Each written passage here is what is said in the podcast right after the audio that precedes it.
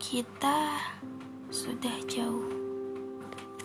Kamu tahu definisi ingin mengejar, namun yang dikejar sudah berlari terlalu jauh. Mungkin itu kata yang pas untuk keadaan kita saat ini. Kamu kenapa harus berlari terlalu cepat? Meninggalkan aku di belakangmu yang bahkan hanya bisa melihat pundakmu dari kejauhan. Padahal sebelumnya kita berada di garis start yang sama. Melihatmu yang sudah begitu jauh dari jarakku saat ini, aku merasa seperti kamu ninggalin aku saat aku ingin kita berlari bersama-sama menuju garis finish. Kamu ngerti maksud aku? Awalnya kita masih berada di tempat yang sama. Kamu yang dekat denganku, lalu aku yang lama-kelamaan juga ingin dekat denganmu.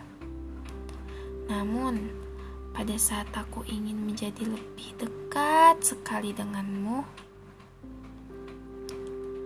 kamu menjauh seolah-olah meninggalkan aku tanpa tahu hal yang kemarin-kemarin kamu perbuat itu sudah berhasil meluluhkan hati aku.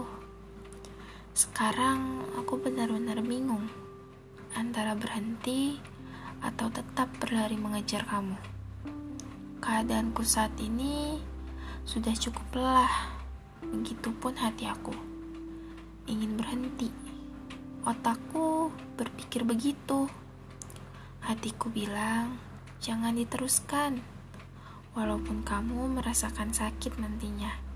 Tapi kakiku seolah-olah tidak ingin berhenti berlari, mengejar, mengejar, dan mengejar.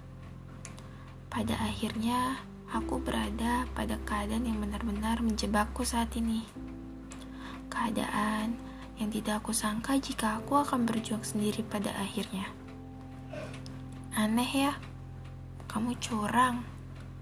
Padahal awalnya kamu yang coba berlari ngejar aku.